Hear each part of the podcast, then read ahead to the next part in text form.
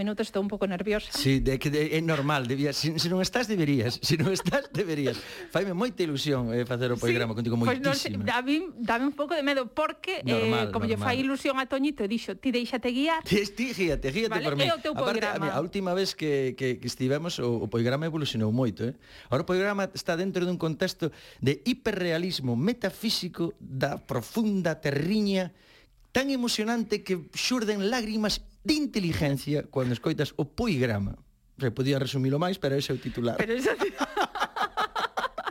bueno, teño que dicir que eu son moi fan do poigrama, ah, eh. Pasa, sí. Bueno, Teño un programa espectacular. E mira, xa que estás falando destes viaxes tan intensos e inmensos en coche, todo o que comentamos antes, mira, por favor, querías empezar, bueno, ah, non, por favor, non cabandas. Sinconía? Sí, sí, sí, sí, sí, ah, é, vale. é que emocioneime, é que eu deixome, eu tamén eu sou así medio salvaxe. É, é que sabes que pas, teño un guión tan Estás estructurado. Estás nervioso ti tamén. eh, no, no, pero debería. Debería. Bueno, pero tens que cantar. Eso vale, sí. sí, pero eu non canto no mesmo ton que Kiko. Eu canto máis suave. Ti cantas en fo. en fa. pero por menos fai, me lo canto. Oh. Mm, afinei. Mm, Pero a letra sábela, non? Sí, o programa vale. é o mellor para escoitar. Unha vez a semana, natureza musical. Pois, pues, ti sabendo a letra tes moito ganado Vale. Oh, o programa é o mellor para escoitar. Chiquirón, chiquirón, chiquirón. Unha vez a semana, natureza musical. Arriba, ya! Oh. Poigrama impulsará O poigrama Atrás, atrás, atrás, atrás Para aí, para aí Eu fago como Octavio que cando canta con alguén que canta desafina o que Pero Toñito é moi profesional que non desafinou. Non te preocupes, eu... Ah, eh, Porque estás- iso de cantar ben cando alguén canta mal o teu carón é complicado. eh. No, no, no, eso, na, ninguén canta mal, ninguén canta mal. é moi riquiño. No, no, ninguén, ninguén canta mal, eso é a emoción eh, nos permite simplemente verbalizar cousas aínda que non estén afinadas. Pero aí a cantar mal é outro tema. Mira, imos a escoitar a historia dun taxista que tiña un, unha, unha, bueno, esos coches grandes, medio semi furgonetas, coches que había na década dos 60, e entón traía a Ourense concretamente, ademais traía unha familia desde Alemania hasta Ourense. No taxi. No taxi. Iso sei que é unha viaxe longa. No, no, longa. O sea, date conta, mira, Eh, non lembro exactamente que pobo de Alemania, pero dende Alemania ata a fronteira Irún había 1800 kilómetros. O sea, pois ainda quedaba chegar hasta Ourense. Sí. Vale, imos escoitar este home. A bella, a velliña viu todo vi, o viaxe, a mí me viña amargando a vida, sinceramente, porque eu viña ao meu traballo, que era o volante, E a vella, vai, vaya con cuidado, cuidado ese camión, mire, non, non fajas eso aí e tal. Pois mira, podes imaginarte, eh, 1800, casi 1800 kilómetros. Entonces, o home O home non sei se era o fillo ou o xenro, pero o home cansouse. E calle, a ver se se calla, deja al hombre que haga su trabajo, pero porque se viene metan tal e outro. E bueno, así hasta Irún. E ao chegar a Irún o home non aguantou máis, e se dixo, non, non. Vale, A ver, espera, no, no, claro, que ahora que, ah, claro, esto, Pero home que era o marido da Non, da el non sabe, estamos falando de cada Pero ian xuntos, non? Ah, era unha familia grande, era unha familia grande. Entonces había unha señora aí que non sabe se era a súa sogra, a súa nai, unha tía, sí. unha comadre. E a ah, señora aí só lle faltaba curva ras. sí, e iba bum, bum, 1800 km. Entonces, entonces claro, chegaron a Irún e dixo, paf, aquí vamos a parar máquinas. Despois de 1300 kilómetros. Bien, E isto foi o que... Era o soutelo de montes desta viaxe, Irún, non? Era o punto de parada, vale. Sí.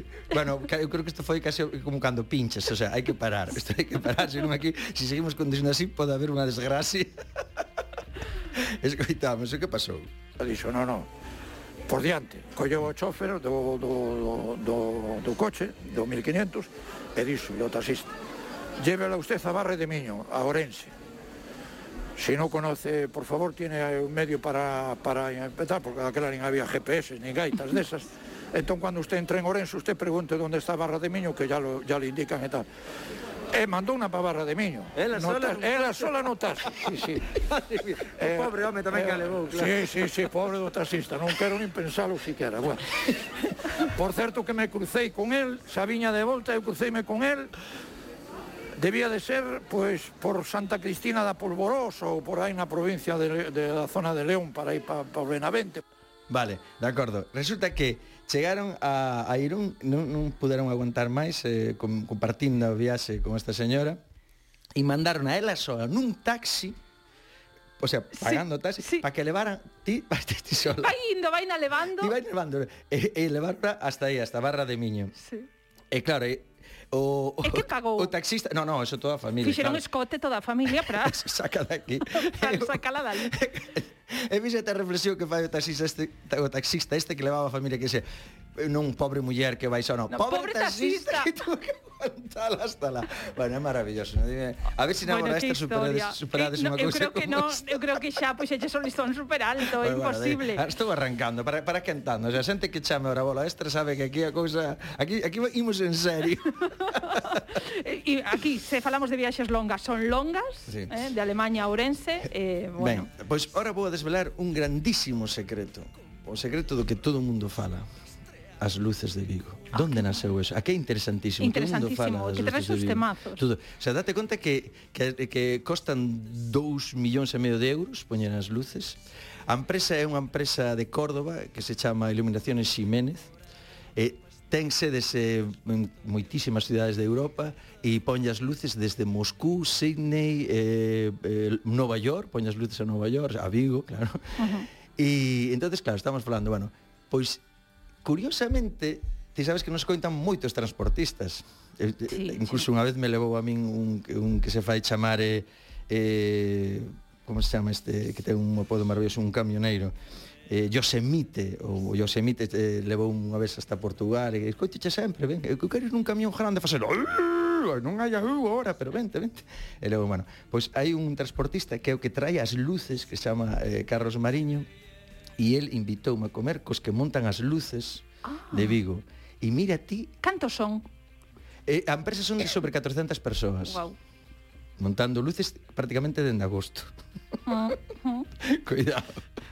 non é unha broma. Entón, o que eh, nos venden en plan, ah, xa Vigo está montando as luces, mira que pronto preparan no, todo igual é eh, porque cando lles dan cita na empresa para montar as luces, porque teñen moito claro, que facer, claro. Pero fíxate ti, unha empresa desta magnitud o sea, desta magnitud, mira ti, que, porque isto, isto é, mira, o que imos escoitar agora é é unha semente de, de, que nos vai a inspirar na nosa vida.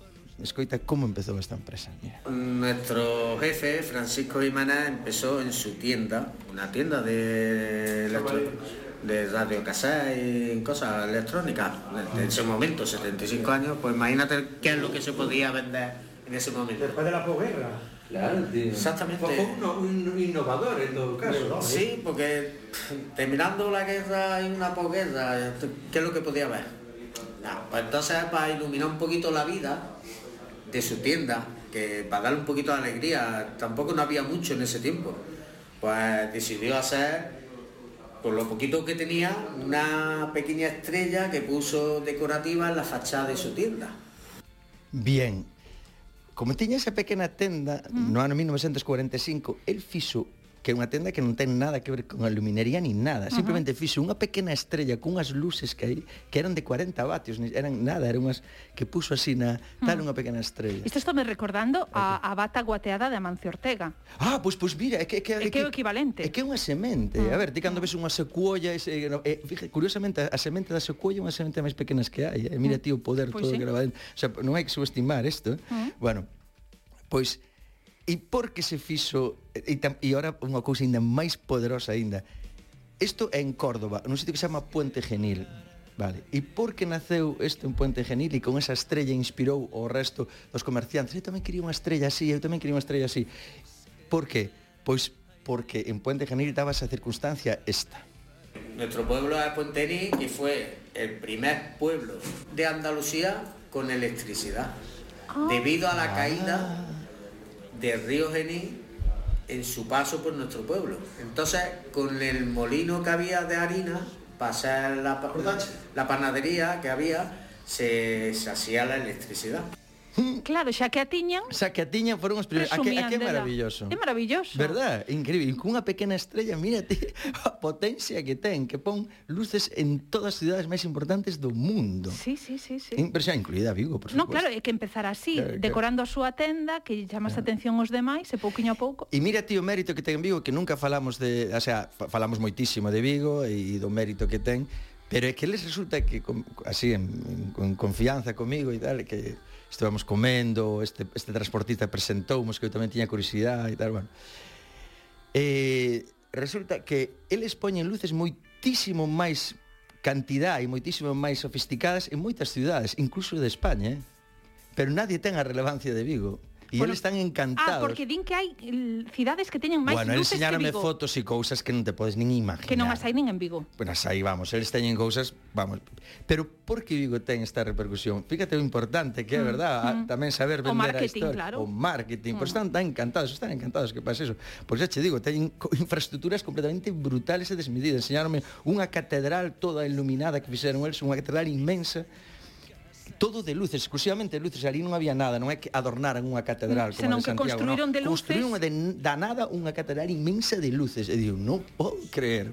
Bueno, pois pues, pues, era unha idea para Vigo, xa que non ten catedral Vigo, facer unha de luces ideas, no Nadal. Que... Eu dou ya que pro ano que ven. Co, co, claro, como son só 2 millóns e medio de euros que costa poñer esas luces, suben 8 millón máis. bueno, bueno, pero igual vendo a, a cantidad de visitas que teñen, igual recuperan. No, eh? recuperar recuperan e está moi ben feito e todo eso. Eh, eso, eu como ecoloxista digo que sí, que non hai problema. no, sempre estou... Abel Caballero diría, che, son luces LED. Sí, as luces LED, eso apoio luces LED. No, simplemente que, que eu sempre digo que hai un patrimonio sostenible na nosa terra que é o noso paisaxe, os nosos mm, montes, mm, antes falabas vindo para cá, escoiteche falar da Ribeira Sacra, sí. de todo eso, que decir, eso sería in, invertir neso, en, en, bueno, os montes saneados, tal. non quero meter máis o dedo nesas cousas, pero esa é a miña opinión, de todos os feitos, sigamos para diante.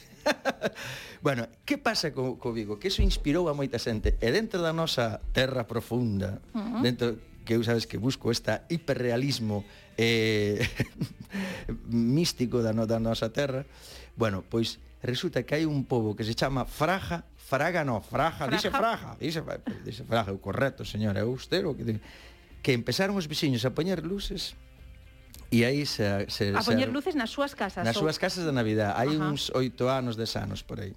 Uh -huh. E se lió porque hubo unha competencia empezaron a picarse uns pero cos brutal Así, As entón empezaron vixiño aquí, vixiño lá, ti máis luces, eu máis, ti non sei que, tal, tal, tal. Mira, por favor, imos a escoitar.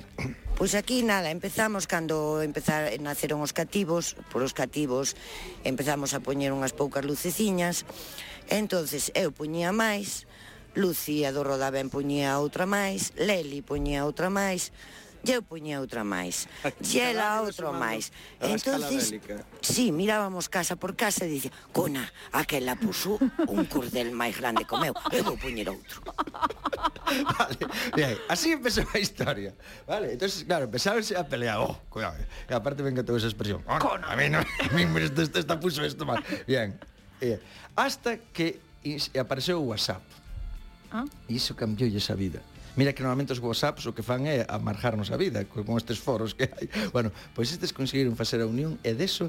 Mm, Fixeron un grupo de WhatsApp? Fixeron un grupo de WhatsApp de luces de Navidad. E eu tiven a honra de inaugurar esas luces. O sea, eu fun como Albert Caballero, que ah, se si queredes ver fraja. o vídeo, claro, e fun a Fraga, ali leváronme nun chimpín no que remolque. Fraja, salud... a que concello pertence, para situarnos? Eh, bueno, zona, zona se non sabes eh, concello. Eh, eh, Pois mira, da, na profundidade da cañiza para lá. pero pola zona da cañiza. Para lá. Sí, pero para lá, para a profundidade. Pa profundidade. Sí. É que a min ese, ese territorio dame moito, moito xeito. entonces resulta que cheguei ali estaba todo o povo eu nun, nun, nun carro mato deses nun... Uh -huh. bueno, o vídeo está, se queredes velo porque é divertidísimo, está na, no meu Facebook de Toñito de Poi, mirades sí. aí vedes o vídeo que é brutal, e bueno e xente, con decirche que de, de, a modo de, de gag ou de broma, tiña unha lavadora enchufada a unha farola nos vamos pero funcionando? Eh, no. espero que non espero que pasedes con isto bueno, e, eh, e inauguramos ali como se si fose o Abel sí, Caballero sí, sí. inauguramos luces. Deixeslle o botón? Sí, entonces agora teñen esta historia montada. E isto empezou así cunha rivalidade, pero bueno, logo empezamos cos chavales a unirnos, empezamos a pedirnos cousas, oye, tú non terás un enchufe por aí, unha prolongación, un tal. Creamos, veu o WhatsApp, WhatsApp. uniunos aí nun grupo, fixemos un grupo de WhatsApp, e entonces a desde esa hai cinco anos ou así que empezamos a ca Festa das Luces, eh, eh, todos os anos xa vamos a máis. Ma, pues agora, sí, que un, no, isto é, a ver, agora caballero, viejo, isto é en pequeno. É bueno, un viejo pequeno. Carai, pa viejo pequeno.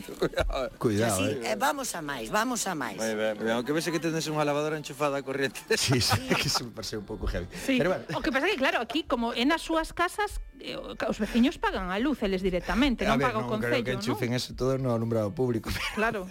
bueno, pero é espectacular, é o pobo de Fraga, de Fraga, Fraga como din eles. Fra, fraga, fraga, bueno, ti di como din eles, claro. Fraga. E é, iso é para ver, eh? Iso é para pois ver. Sí, porque, temos que ir. No, porque realmente son como 4 ou 5 casas na máis, que é unha aldea pequena de todo. Pero claro, eso, eso vese desde o satélite. Sí, desde a estación espacial. ben Vigo bueno, e Fraja. Moi ben. Vale, ahora imos cunha historia tremenda. Ves o temporal que hai agora, non? Sí. Vale, bueno. Pois eh, conocín a un patrón que curiosamente estuvo estudiando comigo no ano 87, mira, en Vigo, el quitou, bueno, el non quitou, que chegou ao final non quitei primeiro litoral, que eu estuve estudiando ali primeiro litoral. Bueno, pois te nos vai contar unha historia terrible dun home que andando na Antártida que é o agua. Na Antártida. Na Antártida. Aí debe estar fría a auga, non? Es, non sei sabes, eu xa contei aquí a historia de meu avó unha vez que queu na Canagua en Terra Nova, non sei xa contara, pero bueno. Ah, a mí non me coincidiu. Bueno, eso é ah. outro tema. Eso, como xa contei, a nosa xente seguro que sabe, pero bueno, un día contarei xa, porque esta historia, por favor, non te perdas, o, esta historia este dun home que queu a Antártida na agua e o patrón saltou detrás del, colleron rápido, pero ainda así, mira o que lle pasou. Viñan non sei de onde, supoño que virían de Vigo, de onde sea. Ai. E iban co coche. E iban dous irmáns dentro do coche. E Ai, miraron... No, no, esta non eh, é, esta non é. Sí, sí, no, tranquilo. É, é a número é a número 7, a número 7. Ai, ese guión. No, sabes que pasa? É que como nos saltamos o protocolo sí, por sacar... saltamos o protocolo por sacar primeiro a viaxe. A viaxe, claro, é o número 6, aí vai, vai, esta non pasa. Non pasa nada. na Antártida que un home que é ao mar e o patrón de pesca tirouse a recollelo rapidísimamente ca suerte do mundo que o engancharon á primeira e na mesma só meteron na ducha agua quente aos dous que se tiñan hipotermia oh. e levárono eu penso que son as Croce unhas islas francesas na Antártida onde hai un centro de biólogos, de biólogos. entonces ali eles recuperárono veo o barco militar a facer os relevos dos, dos biólogos e levaron ao señor este a Francia. Pero antes deso, eh, coseronlle ou uníronlle as venas das pernas cada man para non perder a man, porque xa non tiña nin riego sanguíneo. Estuve ingresado tres ou catro meses en Francia, pero tío, mova man. Ti coñécelo. E eu coñezo. E ti coñezo. E eu coñezo como isto de unir as eh, eh, venas e, e, da man. que non, non vou dicir o seu nome. No, porque para pa que non Claro, para que non perda a man, para claro, que siga circulando o sangue. A, a, a, a que historia tan bueno, increíble. increíble. Bueno, pois pues, imos a intentar falar con este home. Ostras, que ben. Ah, que, a que increíble. Unha historiaza. Sí, o que pasa é que non quixen dar o nombre. El, o patrón sí que se chama mm. uh. Gude, estou estudiando comigo, un tío fantástico, está andando ao arrastre en Ribeira, pero esta que brutal e, e agora ten a man normal, bueno, móvea. No, no, bueno, bueno, chamalle normal. Bueno, móvea. Bueno, eu por, por, agora, non, móvea, por, non a perdeu. Na, perdeu, na perdeu, claro. é que é increíble. Pero hai que ver por un momento na auga. Sí, sí, por un momento na auga. E menos mal que estaban estes biólogos aí en esa illa mm. e coseronlle a man a perna para manterlle o riego sanguíneo, increíble. increíble e así sí. pudo chegar a Francia, en Francia depois de moitas operacións conseguiron que non perderan Buah, pero é unha historiaza, eh? Brutal, impresionante. Bueno, eh. pois pues, Toñito, eh, poigrama, eu son moi fan do Poigrama, ademais eh. lembramos que o Poigrama tamén está en radiogalegapodcast.gal, ah, que eu son moi fan, de, eu sempre escoito os podcast, eh, recupero Poigramas aí